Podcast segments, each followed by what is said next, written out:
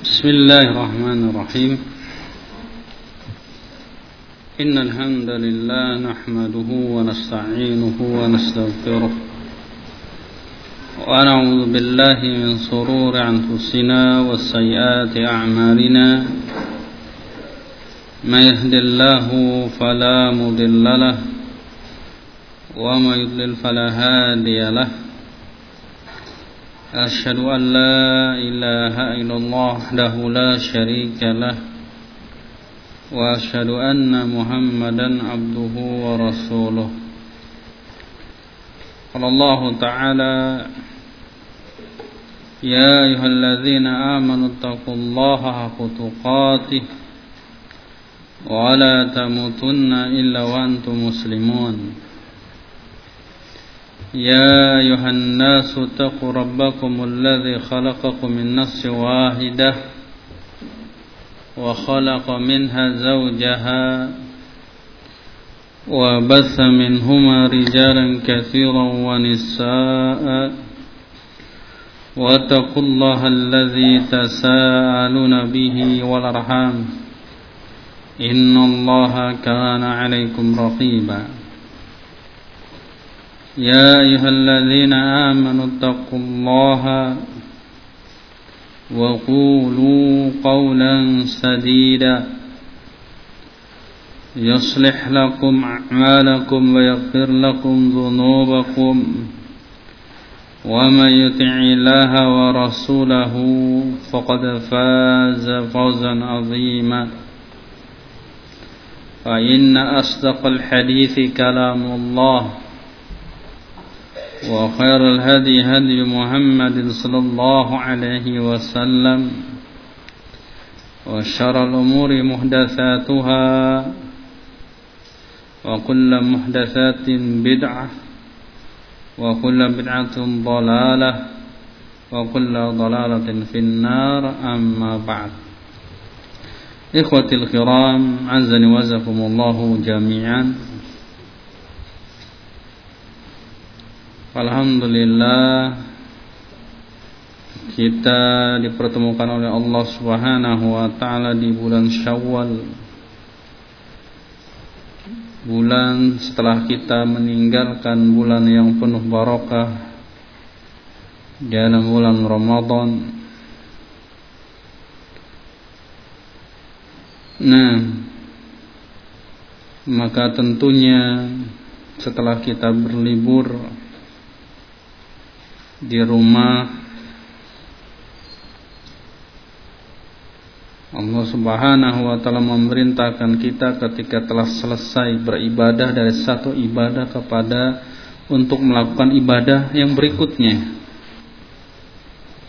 Makanya ketika seorang selesai di dalam bulan Ramadan hendaknya dia mengikuti dengan saum Sawal. Begitu pula kegiatan kita ketika telah berhenti iya dari talim satu maka kita melanjutkan taklim yang biasa kita lakukan dalam ini dalam rangka melaksanakan firman Allah faida apa? Fa idza raghwita fansab apa? Nah, fa idza faraghta fansab apabila engkau telah selesai pada satu ibadah maka fansab lakukan. Iya ibadah yang lainnya. Iya. Dan insyaallah sebelum kita membaca kitab yang biasa kita baca yaitu kitab Kabair dan juga yang dibaca oleh Syekh eh, oleh ustaz kita Ustaz Abdul Rahman Mubarak yang biasa di, beliau baca kita akan membaca sebagai penyegaran yaitu kitab Kutaib kalau ana membaca kita membaca Kutaib yaitu tentang fadul majalis ahlul ilmi wa dzikr wa min majalis ahlul ma'asi wal bid'ah wal ahwa. Wa dzikr ma yantaju minha min syarri wa bala. Kutip yang kecil tapi padat isinya tentang keutamaan majelis ahlul ilmi dan zikir juga penyebutan tentang tahdir peringatan dari majelis ahlul ma'asi, ahlul bid'ah dan ahlul hawa dan juga ya, sedikit menyebutkan tentang perkara-perkara apa saja yang ya, didapati ketika berbau dengan ahlul ma'as wal bid'ah dari kejelekan dan bala. Insyaallah antum sudah punya semua kutip ini pernah dibaca di sini. Dan insyaallah kita meminta pertolongan kepada Allah bisa menyelesaikan kutip yang singkat dan padat ini. Ya dalam beberapa hari ini menunggu teman-teman antum yang belum datang. Atau juga ya sebagai pembekalan bagi santri baru Kitab ini ditulis oleh Abdul Abbas Yasin bin Ali bin Salim Al-Hushabi yang dikenal dengan Syekh Yasin Al-Adni. Beliau adalah salah satu asyikh yang mengajar pernah dulu di ya Damat ketika ada Syekh Mukbil rahimahullah dan juga di markas ilmu di Adel beliau terkenal dalam bidang akidah. Nah terkenal dalam bidang akidah. Dan banyak para ulama memuji tulisan-tulisan beliau. Di antaranya tentang tahqiq akidah wasitiyah tentang eh, penjelasan tentang akidah tahawiyah syarah akidah tahawiyah dan juga kitab tauhid. Beliau memulai kitab ini dengan Bismillahirrahmanirrahim. Kemudian menyebutkan muqaddamah atau muqaddimah dengan menyebutkan khutbah hajah yang sudah kita baca tadi membuka dengan alhamdulillah dan juga isti'anah kepada Allah dan juga mengucapkan syahadatain kemudian membaca ayat Allah dalam khutbatul hajah surat Al-Imran ayat ke-102 dan juga surat An-Nisa ayat ke-1 dan juga surat Al-Ahzab ayat ke-70 dan 71 yang sudah kita baca tadi. Dan juga membacakan hadis Inna asdaqal hadithi kalamullah wa khairal hadi hadi Muhammadin sallallahu alaihi wasallam wa syarrul umuri muhdatsatuha wa kullu muhdatsatin bid'ah wa kullu bid'atin dhalalah wa kullu dalalatin finnar. Amma ba'd kata Syekh Adapun setelah itu fa inni lamma an ra'aitu ma fi zamanina hada min al-istighali kathirun min an-nas atau kathir min an-nas wa raghbatuhum fi dunya wa hitamiha bal asbahu harisin ala al-ikthar syahadat li tajmi' al-amwal wa istikthar minha walau kana ala hisabi dinihim. Maka sesungguhnya aku ketika melihat ya melihat fenomena di zaman kita ini melihat masalah orang-orang yang ada di zaman kita ini ya yaitu kesibukan kebanyakan orang dan juga keinginan-keinginan mereka pada dunia dan juga harta-harta dunia, harta benda dunia. Jadi kebanyakan di zaman kita sekarang ini orang itu sibuk nah mengejar keinginan-keinginan dunia dan mengejar keinginan mengumpul-ngumpulkan harta. Itu kebanyakan orang zaman sekarang. Bal asbahu harisin ala isari min wadhaib wasyahadah. Bahkan mereka menjadi orang-orang yang semangat di dalam memperbanyak iya, pekerjaan-pekerjaan bahkan nah, memperbanyak syahadat iya. nah, memperbanyak eh, apa dengan pendidikan sehingga mendapatkan ijazah-ijazah untuk apa? Untuk harta. Untuk mengumpulkan harta dan memperbanyaknya. Walaupun ya, mereka nah, sedikit sekali ya, memperhatikan agama mereka. Ini kenyataannya. Seperti itu, ya. Orang lebih senang menyekolahkan anaknya ke ke sekolah-sekolah umum. Untuk apa? Untuk cari ijazah. Ijazah untuk apa? Ijazah agar bisa nanti bisa melanjutkan pendidikan, kemudian bisa kerja. Sampai-sampai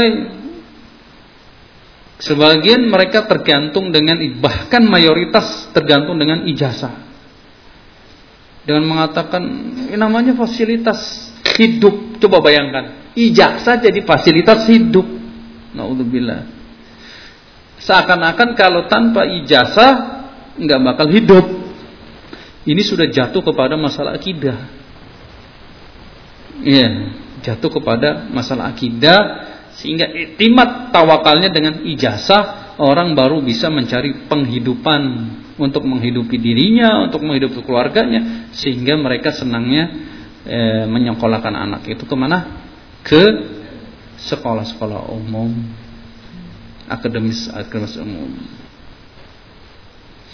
Bahkan eh, orang yang mengembel-embel, wah, satu sisi eh, sebagian orang ingin anaknya nah, menjadi anak yang soleh dan soleha kalau perempuan. Kenapa? Karena melihat fenomena melihat bagaimana iya merosotnya moral akhlak anak-anak kaum muslimin. Wah, kalau begitu yang tepat mereka tahu yang tepat di dalam mendidik anak-anak di dalam masalah akhlak itu masalah agama. Tapi dari satu sisi mereka menginginkan apa? Menginginkan dunia kalau begitu digabung dengan adanya SMP Islam terpadu. Iya. Nah, yang notabene ya, pendidikan semacam ini menggiring orang hanya nah, agama itu sebagai komoditi pelengkap bagi iya, bagi pendidikan mereka yang inti dalam mengejar dunia. Nauzubillah seperti itu. Kalau ngeliat pondok, wah ada ijazahnya, alergi. Dan itu pakai dan anak saksikan sendiri. Iya, seperti itu. Makanya wajar kalau Anak kamu ketika masuk mau cita-cita mau apa? Anak mau jadi dokter. Anak mau jadi apa? Eh, pengusaha tukang bengkel motor. Iya, pengen sekolah-sekolah teknik. Anak pengen jadi insinyur. Seperti Sidul anak Jakarta gitu ya. Jadi tukang insinyur atau ingin jadi perawat, ingin jadi apa lagi? Ingin jadi wah ingin jadi jadi jadi jadi jadian, akhirnya jadi jadian. Agamanya walaupun dia berlebar ya sekolah Islam. Nah, tetapi ujung-ujungnya tetap yang dikejar ijazah. Itu mayoritas kebanyakan manusia dan benar apa yang dikatakan oleh Syekh di sini. Bahwasanya aku melihat di zaman kita ini kebanyakan orang itu sibuk perkara mereka nah keinginan mereka kepada dunia dan harta-hartanya. Bahkan mereka menjadi orang-orang yang semangat di dalam mengumpulkan harta, memperbanyak pekerjaan, bahkan agar lebih meningkat karirnya. Syahadat itu bisa dikatakan untuk meningkatkan karir. Iya, dalam rangka e, mendapatkan pekerjaan yang lebih layak. Ujung-ujungnya adalah untuk mengumpulkan harta dan memperbanyaknya. Walaupun ya kan ala hisabi dinihim. Ya sedikit ya yang mereka memperhatikan agama. Bahkan agama jadi korban. Itu seperti itu. Ya, buktinya apa? Orang banyak yang nah pulang pergi pergi sebelum subuh pulang sebelum jam 12 malam bahkan tidur berapa jam besok begitu lagi apa yang dikejar harta yang dibicarakan besok bagaimana meningkatkan e, hasil usaha. Besok bagaimana agar dagangnya lancar? Itu yang dibicarakan oleh kebanyakan manusia. Ya Farhan. Farhan. Ya Allah Farhan. Wudu wudu nah. Wala tajidu lisanahu yantiqu illa bil makasib dunyawiyah wa bi umuri dunya. Dan tidak pernah engkau dapati lisannya berbicara kecuali tentang usaha-usaha dunia dan perkara-perkara dunia. Ya kan? Nah kalau masalah dagang gimana dagang besok? Sekian gimana kenaikan harga ikan? Ke besok bagaimana kenaikan bawang? Gimana jualnya? Mana daerah yang akan di eh, di, didatangi? Bagaimana? Wah semuanya. Masalah teknik masalah nah, bagaimana jembatan ini biar nggak roboh. Masalah dunia. Yang masalah kesehatan seperti itu juga. Nah, ya semuanya berbicara tentang masalah dunia dan perkara-perkara dunia, masalah harta. Nah, sampai-sampai masalah makanan dibicarakan. Mana makanan yang berkalori tinggi, mana makanan restoran mana yang paling enak makannya yang paling murah. Begitu. Ada diskon atau tidak? Sampai seperti itu. Iya. Atau beli makanan ada hadiahnya atau tidak? Hmm. Orang sibuknya masalah masalah dunia. Kalau berbicara uh, ini anak ini sudah sekolah kelas berapa? Gitu. Itu menunjukkan mereka memang banyak berbicara tentang dunia kelas 3 di mana oh di pondok minder di pondok gitu minder kalau jawab di mana sekolahnya? Di pondok. Gitu. Harusnya kalau di mana? Oh anak sholat di pondok dong. Gitu bangga. Tapi kalau minder kamu sekolah di mana? Sekolah di pondok. Itu minder. Ya, harusnya jangan minder. Anak sekolah di pondok. Oh, begitu. Nah, kelas tiganya sama kelas seperti kelas 4 ya, di SD. Enggak ada apa-apanya di SD itu. Nah, tapi minder seperti itu. Ya. Besok mau kerja apa? Ngomongnya begitu. Nah, takut ya, akhirnya tawakalnya kurang kepada Allah.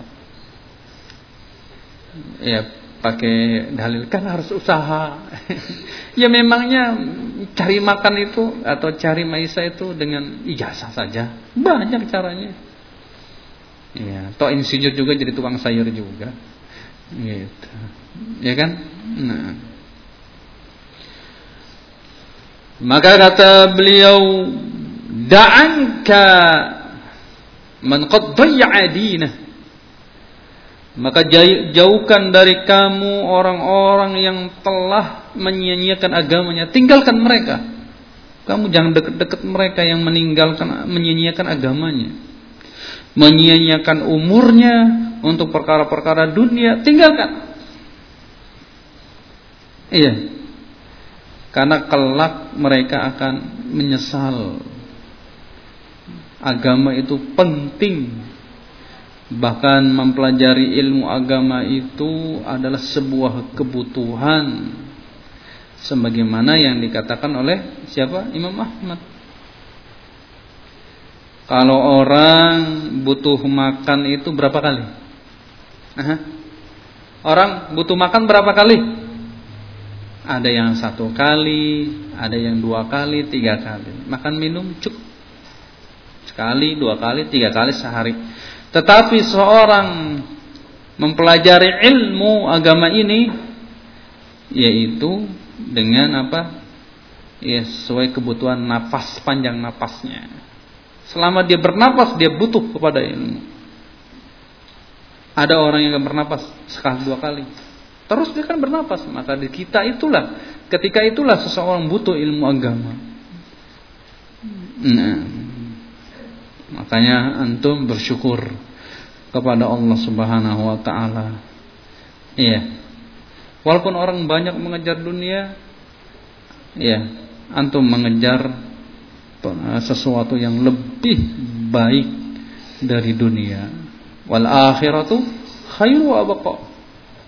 Akhirat itu lebih baik dan lebih kekal dibandingkan dunia. Maka tinggalkan orang-orang yang menyanyikan agamanya. Tinggalkan. Ya, jangan ikut terbawa. Wa tarqium amri rabbih min ajli Tinggalkan orang yang meninggalkan perintah Robnya karena mengejar-ngejar dunia. Tinggalkan oleh kalian, tinggalkan. Kata Syekh. Nah. Nas'allah al-afiyata was-sabata ala dinihi hatta nalqah.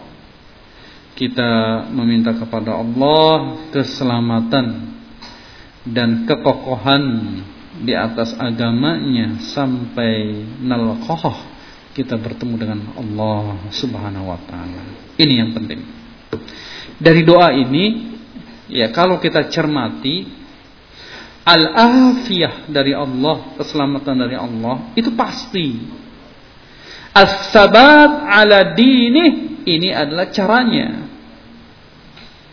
Seseorang ingin mendapatkan afiyah, selamat di dunia dan akhirat. Tapi tidak menempuh asbab ikhtiar as-sabat ala dini, nggak bakal bisa. Tidak akan bisa dia memperoleh keselamatan afiat dari Allah. Iya. Nah, Makanya eh, kita meminta kepada Allah keselamatan dan juga as-sabat ala dini. Menunjukkan bahwasanya keselamatan itu mahal.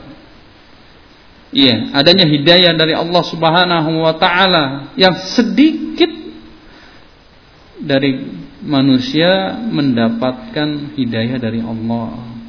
Coba Berapa gelintir orang yang belajar betul-betul mondok yang ingin mempelajari Al-Quran dan Sunnah Cita-citanya apa? Cita-cita anak ingin menjadi anak yang soleh dan soleha. Berapa lintir orang? Sedikit sekali. Nah, tapi kalau ditanya orang yang ingin menjadi dokter berapa orang? Oh, jutaan. Yang ingin menjadi guru? Oh, jutaan. Yang ingin menjadi perawat? Oh, banyak sekali. Yang menjadi karyawan pabrik seabrak-abrak. Hmm. gitu. Tapi yang ingin menjadi anak soleh dikit. Makanya ini sebuah kenikmatan yang sangat besar. Ya, kesalahan apa eh, hidayah dari Allah kenikmatan yang sangat besar kita dimudahkan untuk bisa masuk pondok. Ya kita bisa dimudahkan oleh Allah masuk pondok. Kan kalau orang tua kita dulu ya dulu kamu sekolah yang tinggi ya nak. Biar jadi dokter atau jadi polisi atau jadi ini. Oh ternyata jadi dokter susah. Tanya yang jadi dokter coba kalau nggak belajar agama, oh sengsara. Yang ingin jadi tentara kalau nggak belajar agama tanya, wah sengsara sekali. Alhamdulillah, antum jangan nyesel masuk pondok itu. Justru itu sebuah kenikmatan yang besar. Iya. Yeah. Karena tidak seperti orang-orang yang lain yang menyia-nyiakan agamanya, tidak mau belajar agama, Buktinya mereka menyinyakan agama. Ini pernah ada ketika ditanya eh, ada orang awam, antum nikah sudah ngerti enggak cara mandi junub? Enggak. Innalillah. Coba bayangkan. Mandi junub aja enggak tahu. Doa-doanya enggak. Ya Allah, kau sudah mau menikah kamu. Coba bayangkan. Sedih kita melihatnya seperti itu. Nah, nggak mengerti bagaimana mandi junub, nggak ngerti najis-najis di dalam sholat, yang membatalkan sholat, nggak paham. Cara wudhunya juga apalagi, gimana sholatnya. Ini sudah ingin melakukan satu ibadah nikah. Gimana jadinya nanti keluarganya? Gimana ngedidik anaknya nanti? Ya, seperti itu. Maka kata Syekh da'anka man dayya'a dinahu wa taraka amri amra rabbih min dzalik tinggalkan orang yang dia men, nah menyanyiakan agamanya yang meninggalkan perintah Robnya karena ingin mengumpulkan dunia. Tinggalkan. Dan kita memohon kepada Allah al-afiyah keselamatan dunia dan akhirat dan sabat kekokohan di atas agama Allah sampai kita berjumpa dengan Allah artinya sampai kita meninggal. Nah, tentunya ya, kita mendapatkan keselamatan dengan kita diberikan hidayah kokoh di atas agama Allah. Intinya kembalinya ke mana? Yaitu mempelajari agama. Karena seseorang tidak akan bisa kokoh agamanya kecuali dengan mempelajari agama Allah, mempelajari Nah, syariat Allah dari Al-Quran dan Sunnah. Sudah aja ya. Wallahu a'lam. Sebab insyaallah nanti kita setiap Jumat, eh setiap Jumat, setiap apa? Setiap maghrib ya. Setiap pada maghrib insyaallah membaca kitab ini. Insyaallah fotokopi. Mudah-mudahan kita bisa menyelesaikannya. Tafadhalu barakallahu